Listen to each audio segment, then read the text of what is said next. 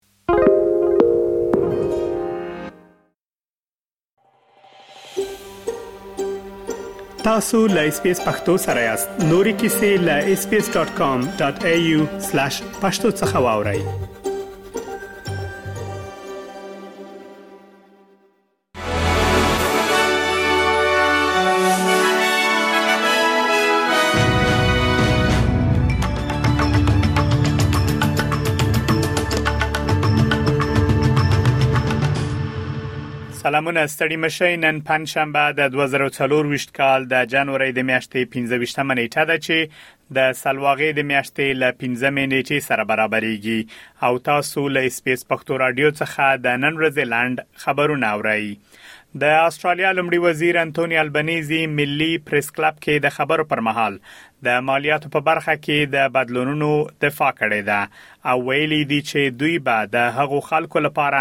د ژوند د لګښتونو په کمولو کې مرسته وکړي چې خورا سخت ځپل شوي دي د بدلونونو لمخې به ټول مالیه ورکونکي د جولای له لومړۍ نیټې څخه لګ مالیه ورکړي او هغه مالیه ورکونکي چې له 15 څلويخ زره ډالرو څخه کم عاید لري ګټه پورته کړي، دغه کسان به په هر ډالر کې د نولس سنټو پر ځای شپاړس سنټه مالیه ورکړي. ښاغلی البنیزي وايي چې دا تر ټولو ښه لاره ده ترڅو له هغو آسټرالیانو سره مرسته وشي چې د ژوند د لګښتونو په برخه کې مبارزه کوي.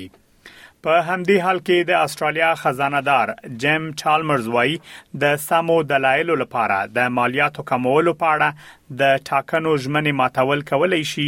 د باور په رامنځته کولو کې مرسته وکړي ډاکټر چالمرز د حکومت د نوي وړاندیز دفاع کړي او ویلي دي چې د رخصتۍ په مودې کې د هغې اړتیا نور هم روښانه شوې ده هغه چینل 7 ته ویلي فدرالي حکومت پوهیږي چې دغه پریکړه به بیلا بیل غبرګونونه ولري. د کوینزلند ایالت اوسیدونکو د کیریلی په نوم طوفان د رارسیدو لپاره چمتووالی نیسي د هوا پیژندنې اداره وایي له طوفان وروسته سخت باران خای خطرناک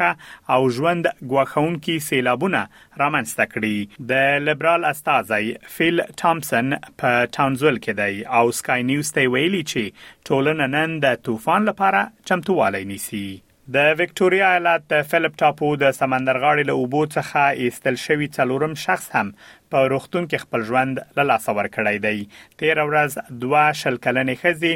او څلوېښت کلن سړی له اوبو څخه تر ایستلو وروسته مړه شوي. مګر یوه شل کلنه ښځه د ملبون الفیت روغتون ته انتقال شوې و چې د وروستیو راپورونو پر اساس هغه هم مړه شوې ده دا په نږدې شلو کلونو کې